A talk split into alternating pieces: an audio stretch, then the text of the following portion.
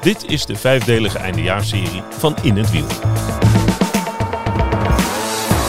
Het jaar 2022 was een vat vol verhalen waarbij sommige momenten onze gedachten teruggingen naar eerdere fragmenten uit meer dan 400 podcasts.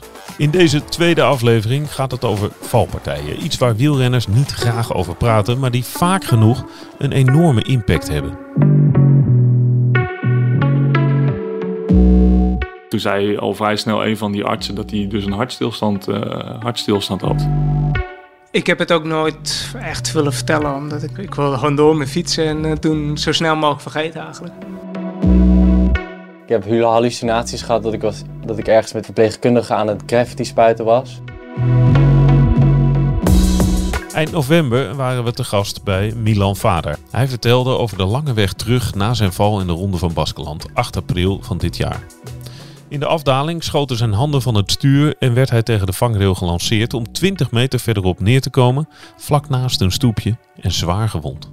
Nou, de dag voordat ik viel, zeg maar, dat, dat weet ik nog, daar weet ik iets van. Maar de dag dat ik viel, of nou, wat voor hotel we zaten en dat soort dingen, uh, hoe dat ochtends was, daar weet ik helemaal niks meer van. Renners als hoofdrolspelers in verhalen over vallen, vechten, angst, veerkracht en zelfs de dood. We beginnen met Wout van Aert, 19 juli 2019. Van Aert valt hard in de tijdrit van de Tour in Po. Hij blijft in de binnenbocht haken achter een hek en gaat naar het asfalt. We herinneren ons allemaal dat vreselijke beeld van die gapende wond op zijn dijbeen. Het duurde even, dus uh, een beetje schetsen denk ik. Ik was uh, bijna ingegaan aan de laatste kilometer. En uh, was denk ik een van de favorieten over de tijdrit, dus ging volle bak. En uh, ik kreeg via de radio te horen dat uh, de toptijd die ik had aan uh, de tussentijd, dat die ondertussen gebroken was. Maar ik wist ook dat het laatste deel van het parcours met het beste lag. Dus ik was volle bak risico's aan nemen om, ja, om nog zoveel mogelijk tijd te pakken, zal ik zeggen. En ja, in die box naar rechts wist ik dat het eigenlijk heel ver terugdraaide, dat het toch een, tricky box was.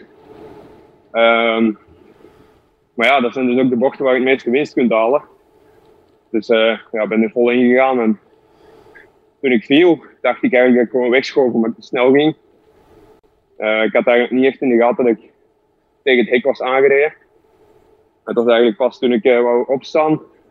Ik ja, de wond aan mijn, mijn rechterdijbeen zag. Ja, en dat was wel heel snel paniek natuurlijk, want het bloedde enorm. En mensen die er als eerste bij waren, die, uh, ja, die deden niet zoals bij een normale poppartij, zou ik zeggen. Ik merkte ook direct bij hun de angst en uh, de verbazing. Dus uh, ja, het was het eerste half uur tot ik onder de morfine zat, was wel angstaanjagend. Hoe was het medisch gezien? Heb, want je bent in eerste instantie geholpen in een ziekenhuis in Frankrijk. Dat was niet de allerbeste hulp die je daar kon krijgen volgens mij. En je hebt medisch gezien best wel een probleem gehad om uh, vervolgens terug te keren. Heb je, hoe uh, hing je carrière echt aan een draadje op een bepaald moment? Heb je dat gevoel ooit gehad? Uh, eigenlijk toen het, ja, het al laat was, was het uiteindelijk niet, maar achteraf wel. Toen ik in Frankrijk zelf was, dan was vrij snel een orthopedische chirurg bij was geen spoedarts, maar uh, iemand die kennis van zaken zou moeten hebben. En die gaf eigenlijk een heel goede uitleg. En uh, er waren enkel spieren geraakt. Ik zou wel een aantal maanden bij de strijd zijn, maar ik had eigenlijk heel veel geluk gehad. Want uh, ik had net zo goed een zenuw kunnen geraakt hebben. En dan, dan hadden we een ander verhaal gehad. Dus dat was eigenlijk allemaal goed nieuws. En de dag nadat ik geopereerd was, kon ik gewoon wel mankend, maar ik kon mijn krukken rondwandelen. Maar toen kwam ik dus uh, vier dagen na die val in België bij uh, dokter Toon Klaas. En die vroeg uh, toen ik op de linkerzij lag of ik mijn rechtse been kon opheffen. Dus als je dat even kan inbeelden. En ik, voelde mijn been niet. Ik kon het niet opheffen, maar ik voelde het ook gewoon niet. En toen werd het heel stil in die zaal. En toen zei Toon, ja, we zullen toch morgen nog eens een foto moeten nemen. Het is al wel laat vandaag. We gaan morgen een foto nemen, maar het is toch niet helemaal goed precies. En de manier waarop hij dat zei, wist ik eigenlijk al van oei, dus dit is wel echt niet, prima. Ja, en de dag erna, twee uur na die foto's waren genomen, kwam Toon de kamer op. Uh, moet je gelijk terug opereren. Uh, ze hebben die wonden gewoon dichtgenaaid. Er zijn helemaal geen spieren gehecht. Uh, je fascia lata, dus uh, aan de zijkant van, uh, van dijbeen hangt gewoon nog los. Als ik nu niks doe, dan, uh, dan kunnen we misschien nog wel lopen, maar topsport zit er niet meer in. En ja, dan die, die, die uur dat het nog duurde voordat ik een slap had gedaan, dan ging er wel heel veel door mijn hoofd. Dus ja, uh, bleek ook dat ik na de tweede operatie zoveel meer pijn had. Toen heb ik vijf dagen op mijn rug in bed gelegen zonder ik mezelf kon verlegen, zonder ik eigenlijk iets kon. Terwijl ik na die eerste operatie gelijk uh, rondhuppelde. Dus uh, ja, dat was minder leuk. Maar toen was ik tenminste zeker dat er iets aan gedaan was.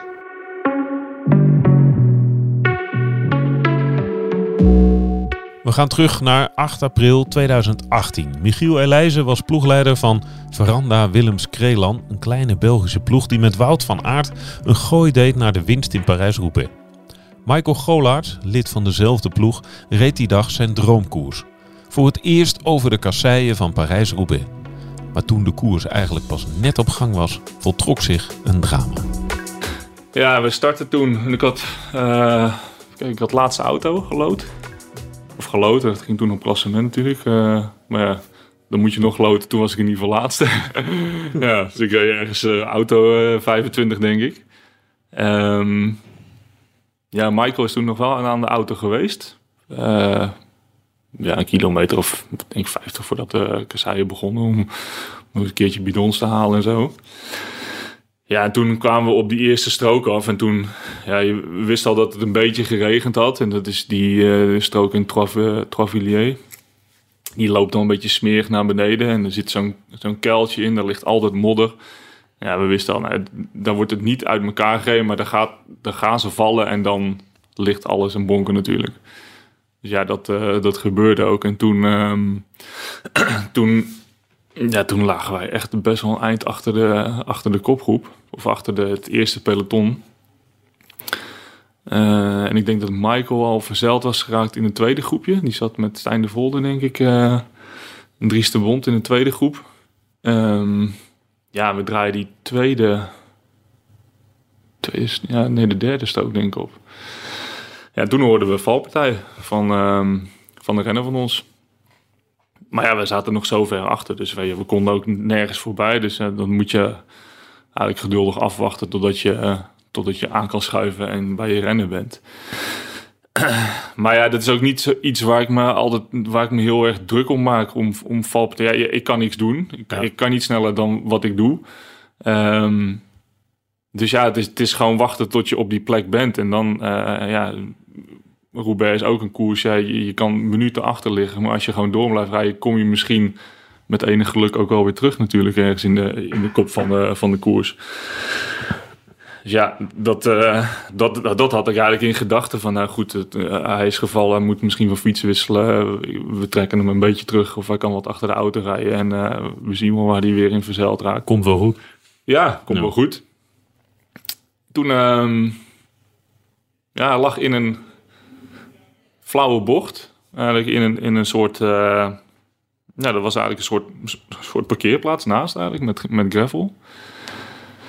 Um, en we hoorden ook geen nummer, omdat, uh, omdat hij op zijn rug lag. Dus de jury die had dat ook, uh, had denk ik ook niet gezien met voorbijrijding. Dan zie je ook dat kaderplaatje natuurlijk niet. Dus die, um, dus die informatie wie het was, hadden we niet.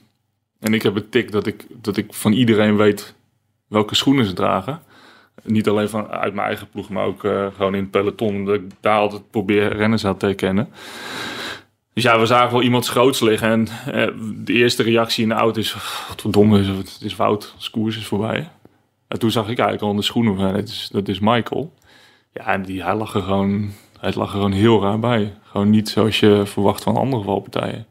Dat, ja, je weet zelf ook als je sleutelbeen breekt, ja, je zit op je kont en de renners houden hun schouder vast. En uh, uh, ja, als je schaafwonden hebben, weet je, ze, liggen wel eens te kermen. En, maar ze staan redelijk snel altijd wel weer op. Ja, dit was gewoon heel anders. Hij lag op zijn rug en hij had uh, zijn elleboog op de grond, maar zijn handen eigenlijk gewoon de lucht in. Um, en zijn benen za zaten eigenlijk nog in zijn fiets verstrengeld, in zijn frame. Dus ja, wij zagen wel direct dat het niet, dat het niet goed was. Ja. We zijn toen uitgestapt. De mechanicien en ik, Nick is blijven zitten. Um, ja, naar, hem toe gerend.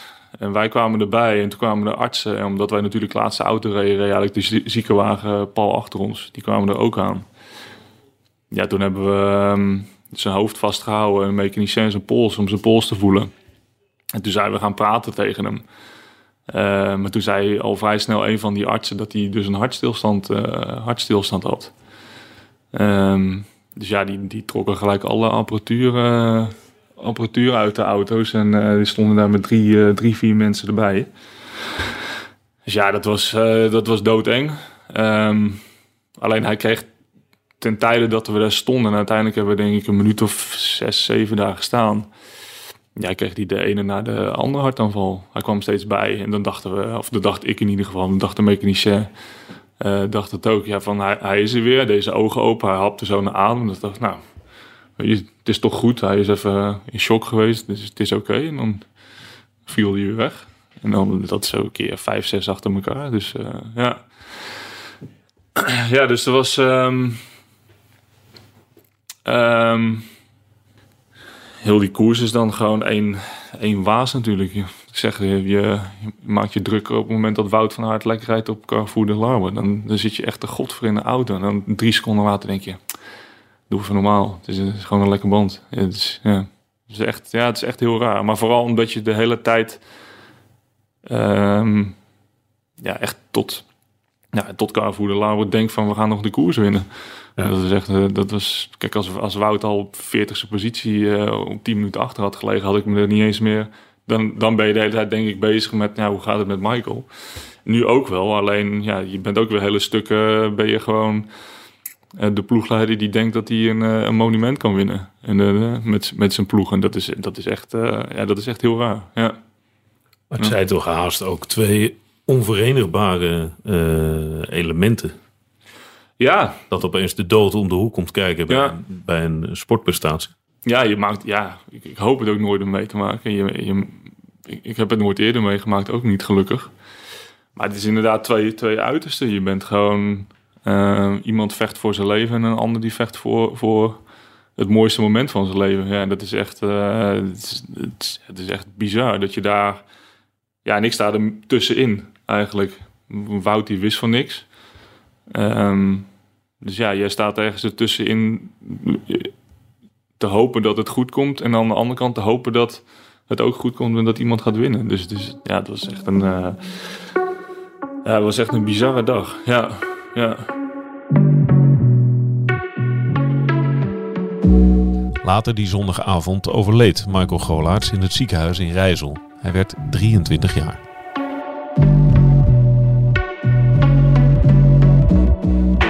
Nicky Terpstra is wel vaker hard gevallen, maar de val in juni 2021 maakt op hem enorm veel indruk.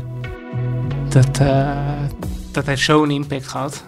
De valpartij op de dijk met de zwaan. Ja, dat heeft ja, super veel impact gehad. En uh, ik zat na omstandigheden wel weer snel op de fiets, maar uh, ik was niet snel op niveau. Jij zegt net over die valpartij, die, die was echt extreem. Als jij dat zegt, dat betekent het nogal wel. Ja, kijk, en ik heb. ik heb eerder extreem hard gevallen. ja, nee, maar dat stond inderdaad niet in de schaduw van dit. Ik. eh nou ja, pff, ik- was blij dat ik eh, lopend het ziekenhuis uit kon, zeg maar. Dus. eh het was wel echt wel echt, hef- echt heftig. En. ik heb dat zo, zo snel mogelijk eh, ook willen af en toe vaak zo snel mogelijk fietsen. En, ik kom hier weer bovenop. En ik wil niet te veel naar het verleden kijken. Waardoor het voor de buitenwereld misschien ook lijkt. Nou ja, het was een valpartijtje. En, eh, maar Maar dat was het niet zomaar. Ik bedoel, eh, ik ben keihard op die rotsen geklapt. Misschien moeten we eventjes, voor de mensen die niet allemaal weten, Ja, helder, helder, voor, helder voor de geest hebben, wat, wat er precies gebeurde. in juni eh, gingen we scootertraining doen met, eh, met drie man. En eh, ik kwam ten val. eh, en dat fietspad ligt eh, ja, pal naast eh breukstenen. En die, die liggen daar heel grof. En ik ben erop gekomen en, eh en er hard opgeklapt. En eh, ja, ik werd wakker eh, op dit intense verkeer. Dus eh zo'n klappertje geweest. Weet je er nog wat van? Ja, ja. Je weet gewoon tot het moment dat je oud ging. Heb je ook nog herinnering? Eh, nou, ik, pff, ik, ik ben pas. eh, ik, ben, eh, ik was bij, maar. eh,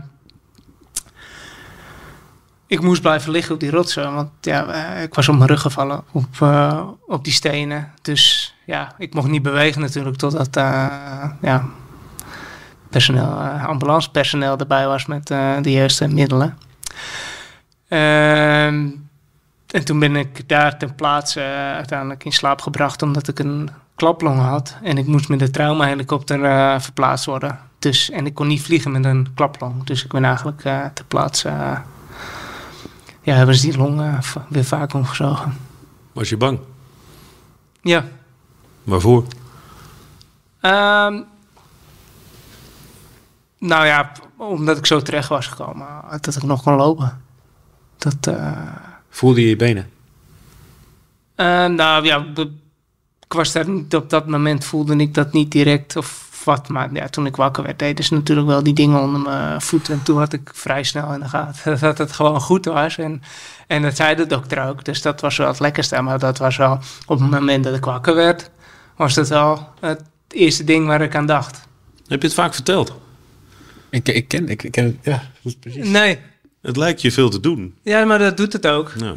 Ehm, ik kan er nu wel gewoon over praten hoor. Eh, dat, dat, ge- maar ik heb het ook nooit echt willen vertellen, omdat ik niet. eh, ja, dat wil ik eigenlijk. Ik wilde gewoon door met fietsen en eh, toen zo snel mogelijk vergeten eigenlijk. Edo Maas is een jonge renner van Team Sunweb als hij in oktober 2019 start in de Piccolo Lombardia. De belofte editie van de Ronde van Lombardije. In een afdaling knalt hij hard op een auto die het parcours is opgereden. Hij loopt een dwarslesie op en hij hoort al snel dat hij zijn benen nooit meer zou kunnen gebruiken. Ja, liefst zou ik me er helemaal niet, niet mee bemoeien, want dan ben ik weer bezig met het verleden en, of nou ja, het verleden. Liefst, ik ben nu gewoon heel lekker bezig met wat ik nu aan het doen ben en liefst boeit het me allemaal helemaal niks, zeg maar. Dus ga ik gewoon lekker door met wat ik nu aan het doen ben. Maar ja, als er dan weer zoiets gebeurt, ja, dan kan je niet anders dan heel erg boos worden en eh, er wat van vinden, zeg maar. Maar ja, ik heb inderdaad niet echt de ik zie mezelf niet als. eh, ik, wil me, ik wil me er wel voor hard voor maken, maar niet super veel tijd in investeren om eh, een voorvechter te zijn voor het veiligheid in het wielrennen. Omdat ik nu gewoon ook andere dingen aan mijn hoofd heb en liefst ergens anders mee bezig ben. Nou, Ja. hoeveel, eh, hoeveel wielrenner ben jij nog? Geen. Nee, nee. Al, al eigenlijk een lange tijd niet meer. Nee? Nee. Ik ben wel wielrenner geweest. Ja. Is Dus, dat eh, een prettig besef? Voor jezelf? Ehm, nou, het is prettig dat ik niet meer denk dat ik het ben. Want ik denk dat er dan wel iets fout gaat als je nu nog steeds het idee hebt dat je een wielrenner bent. Dan, eh, ja, dan moet je toch nog wat eh, verwerken. Vind ik een beetje een, een raar, gaar woord. Maar dan moet je toch nog een hele hoop verwerken. Waarom is dat een gaar woord? Ja, ik weet niet. Ik vind alles van dat soort dingen vind ik Ja? vervelende woorden. Hokjes geven of plekjes geven. ja, dat vind ik helemaal niks. Dan word je mee doodgegooid Ja. natuurlijk. Ja. Heb je het al een plekje gegeven? ja. Nee, dat vind ik echt een kutwoord. Ja. Ja. Nee, maar ja, een soort van... eh, je moet wel verder. Je kan niet een soort van blijven hangen in... Ik was een wielrenner. eh, ik wil dat nog steeds zijn. Wanneer, wanneer is dat moment dan gekomen dat je denkt, ja, dit, ik word, geen, ik word niet weer opnieuw wielrenner, of ik ben geen wielrenner meer? Nou ja, de eerste week in het ziekenhuis, of de eerste twee weken in het ziekenhuis, was ik zo eh, aan, de, aan de medicijnen. Ik was gewoon echt keihard aan het trippen op, eh, ik weet niet wat. Ik had er allemaal hallucinaties, maar toen had ik niet door dat ik er zo slecht aan toe was. Dus toen heb ik nog gezegd, ik heb nog met Jelle gebeld van ja, ik denk dat het wel goed komt. eh, ja, gewoon eh, binnenkort weer gaan trainen en dan eh, weer op de fiets. En toen, later kwam ik wat, gingen ze medicatie afbouwen. Toen ging ik wat helder denken. Toen dacht ik, nou, waarom kan ik dan niet uit bed? Toen werd ik ook boos, omdat ik niet uit bed mocht. Ging ik vragen stellen en zei iemand, nou, ik, of de dokter ging te vertellen dat je een dwarslesie hebt, kan je niet meer lopen. En eigenlijk op dat moment, ehm nou, niet per se dat moment, maar vanaf dat moment was het wel heel realistisch dat ik wist dat ik niet meer, dat ik mijn benen niet nooit meer kon bewegen, zeg maar. Ehm, nou nooit. Je hebt een soort van nog stiekem hoop dat, dat het dan een, niet een complete dwarslesie is. Maar je weet wel dat het dusdanig beschadigd is van, nou, dat, het is gewoon heel lastig. Ik deed zelf ook fysiotherapie. Dus ik wist heel goed wat er aan de hand was. Dus vanaf dat moment wist ik van, ja, dat, eh, ik weet wat een dwarslesie is. Ik weet dat ik nooit meer kan gaan wielrennen. Maar dat is dus pas na een paar weken in het ziekenhuis. Ja, Hoe, wat, wat was je eerste herinnering dan weer op het moment dat je wakker wordt? Drie dagen na de crash. Ehm, mijn eerste herinnering is dat ik eh, eh, een soort baby speelgoed krijg van een ploeggenoot van me. Die, die kwam een cadeautje brengen. En alles heel blurry, heel vaag, heel raar. Wat bedoel je met baby speelgoed? Ja, gewoon zo'n knuffeltje. Ja. Eh, ja. En, en, van- maar het is allemaal zo... eh, ik bedoel, ik heb echt eh, onwijs hallucinaties gehad daar zo. Ik heb gewoon... Het is wel grappig. Nou ja, ik vind het achteraf wel grappig. Je begint er al uit te lachen. Dus, Ja, ik heb, ik, ik heb hallucinaties gehad dat ik, was, dat ik ergens met iemand, een eh, verpleegkundige aan het graffiti spuiten was. En ehm, ik zat in mijn ziekenhuis japonnetje, weet je wel, in mijn blote reet. En er kwam er een of andere keel achter me, dus die zat heel net aan mijn reet. die zat heel net in mijn kont te. Toen dacht ik, wat?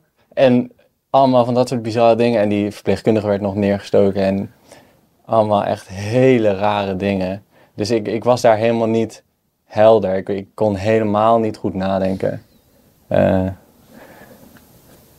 dus ja, die, die, ja, pas vanaf het, dat ze mij vertelden wat er aan de hand was en die, en die medicatie werd afgebouwd, toen pas kon ik gaan beseffen van, oh,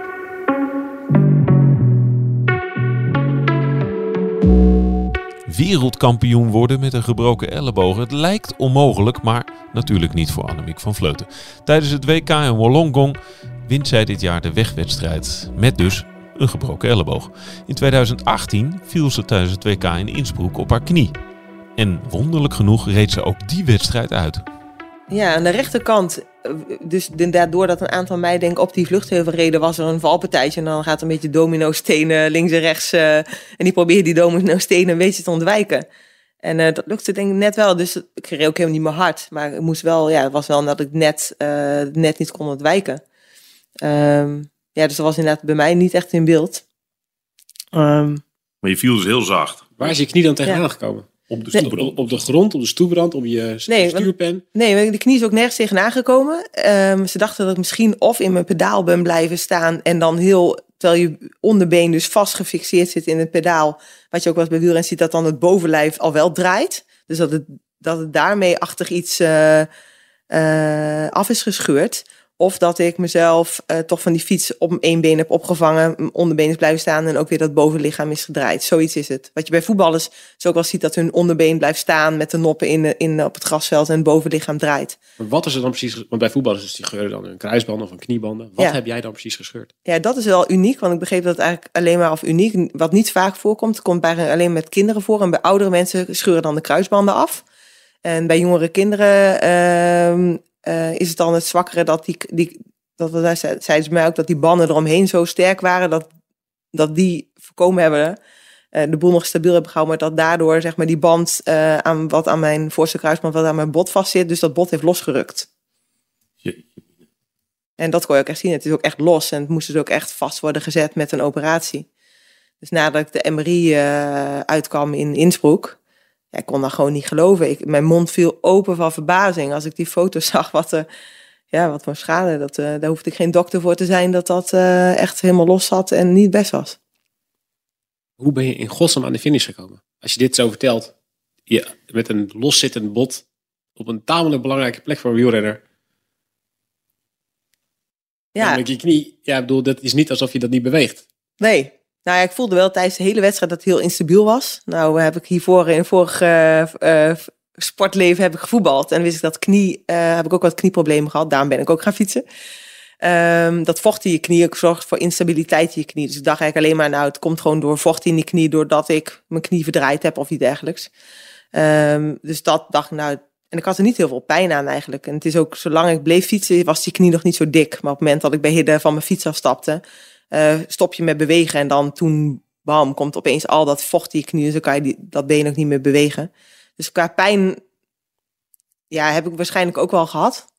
Ehm, maar ook wel door de adrenaline denk ik dat ik niet voelde. En misschien ook wel gewoon, ik dacht, dit is mijn kans vandaag. En ik wilde het gewoon niet uit mijn handen laten glippen. Ik dacht, ik heb eerst ook wel gedacht, oké, mijn WK is voorbij. Dat heb ik ook gelijk gezegd tegen de mechanieker van, ehm, ja, dit, eh, ik zei, het is niet goed, het is niet goed. Ik voelde gelijk dat dat echt niet goed was wat er wat was gebeurd bij die val.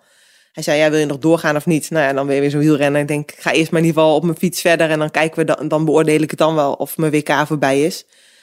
Maar toen heb ik wel gelijk gecommuniceerd van mij, ik ben niet meer goed. En ook tegen Anna gezegd, jij bent eh, nu kopvrouw, want ik ben niet meer, eh, ik ben gewoon niet meer goed. Het is niet goed. Ik fiets maar met één been fiets ik terug die uh, Gnadewald klim op. Heel goed teruggebracht, Eén been. Ellen. Ja. Met één been. Heb Maar je dacht, gezien hoe je dat gedaan hebt? Ja.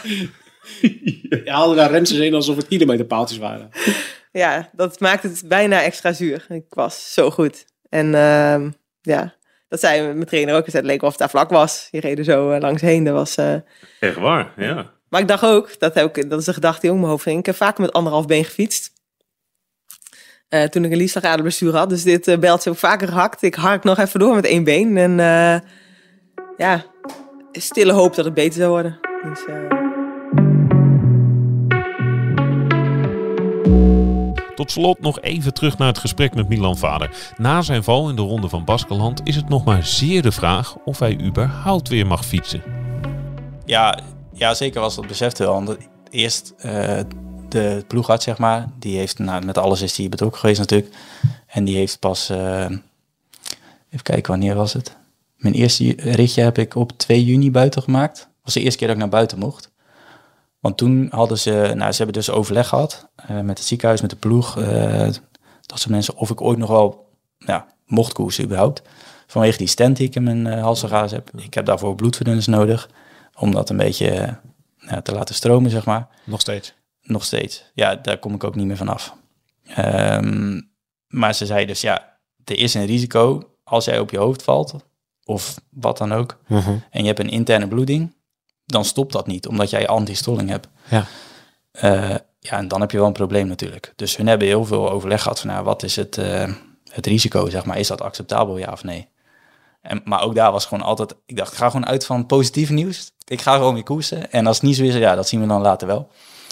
En gelukkig was het ook zo, dat telefoontje kwam, ja, Milan, je mag weer koersen. Of tenminste, je, uh, we hebben het overlegd en uh, we staan er zo in. Ja, je bent nog profrenner bij deze ploeg. Ja. Anders kan je, ja, dan kan je je contract uit. Ik neem maar ja, en dat, dat is ook, dat hebben ze heel goed gedaan. Hoor. Ze hebben alles uh, op safe gespeeld, om het zo maar te zeggen. En ja, ja uh, alles heel goed overwogen. Dus ik zei, ja, mooi, top. Uh, Eén moment, ja, ja, ja, maar bespreek dat ook even thuis. En hoe staan zij erin en je vriendin. En zei, wel leuk dat je zo'n reactie geeft, dat je gelijk ook hoesten. Maar denk er ook zelf even goed over na. Maar goed, daar heb ik niet heel lang over na hoeven denken. Uh, dus ja. En je familie? En je Nou, vriendin die je zo hebben zien liggen en die hele Ja. weg van dichtbij hadden gezien? Nee, mijn vriendin zei wel eh, prima. Maar eh, we hebben de afspraak dan, eh, als ik een keer hard op mijn hoofd val, dat we het zeker voor het onzekere nemen en gewoon even een check, check laten uitvoeren of alles nog goed zit. Of dat je geen ergens een interne bloeding hebt of wat dan ook. Ja, dus niet fiets pakken door. Ja, dat zijn mijn vrienden ook. Moet je niet denken van, hey, eh, gaat wel, eh, ik ga weer door. Dan moet je ook gewoon afstappen en eh, klaar. Maar merk je nu dat je bloedverdunners hebt, bijvoorbeeld als je in je vingers snijdt? Het is een stomme vraag misschien. Ja, nee, met scheren of zo, eh, dat soort dingen, ja, dan blijft het iets langer stromen. Maar En, en it. de- nog een stomme vraag. Is- was- was- was- het blokje, het blokje is blokje stomme stomme vraag. Wat betekent het voor bijvoorbeeld voor je hematocriet? Ja, dat heb ik dus ook gevraagd in het ziekenhuis. Van ja, eh hoogtestage en dit en dat. Kan het allemaal. Nee, ja. Maar die mevrouw zei, niks aan de hand. Dus je gaat er niet, niet slechter door fietsen, ook niet harder. Want het enige wat het doet is nou, het hechten aan je bloedplaatjes of zoiets. Dat, het voorkomt het stollen. Voor de rest verandert het helemaal niks aan je bloedwaardes of dat soort dingen. Oké. Ja, dus je hebt, je, hebt, je hebt gewoon hetzelfde hemoglobine, hetzelfde hemo- Ja, hemoglobine. er verandert niks. Ja, dat is nu al een stukje omlaag, maar eh, er verandert verder niks aan. Ja, maar dat is omlaag omdat je herstellen hebt. Ja, precies. Die komt van eh, Ja. ja, fitheid en ja. nul. Maar dat lijkt me als profrenner ook best belangrijk. Ja, dat dacht ik ook. En mijn vader zei het ook al. Van, ja, eh, hoe moet het dan straks met hoogstage? Kan het dan gewoon? Ja, allemaal van dat soort vragen. Ja, eigenlijk ook heel stom, maar Ja. dat we daar mee bezig waren. Maar eh, Ja. ja, maar ja, ook onderdeel van de overleving, denk Ja, ik. ja, zeker. Toch? Ja. Gelijk, maar ja, ja, dat, focus op wat kan allemaal nog wel. ja, daarom is dat herstel ook heel snel gegaan. Eh, dus ik, ik had ook, nou, mijn trainer had een, eh, na het seizoen twee weken vakantie gepland. Ik zei, nou ja, ik zeg, kan dat niet drie? Ja, ja, ja, dat, dat- zeker, dat kan, maar ja, je hebt ook niet heel veel gedaan dit jaar. Ik zei, nee, dat klopt, zeg, fysiek heb ik heel weinig gedaan. Ik zeg maar mentaal, eh, ik zeg, je hebt volgens mij harder gewerkt dan ooit. Want eigenlijk gelijk vanaf het ja, moment van wakker worden was ik bezig met, ja, hoe ga ik hier zo snel mogelijk eh, ja, herstellen, zeg maar. En ik had dan eh, voor mezelf die afspraak met die arts, of die, eh, die weddenschap, dat ik binnen zes maanden weer zou koersen. Ehm, ja, dat is gelukt. In de volgende aflevering gaat het over de WK's van de afgelopen jaren. Is het een fout? Nou, ik vind het wel. Zeker, ja. En eh, zelfs de wereldkampioen vandaag, eh Pedersen, heeft fouten gemaakt. Wilt u meer horen en een van de gesprekken nog een keer terugluisteren? Check de linkjes in de show notes.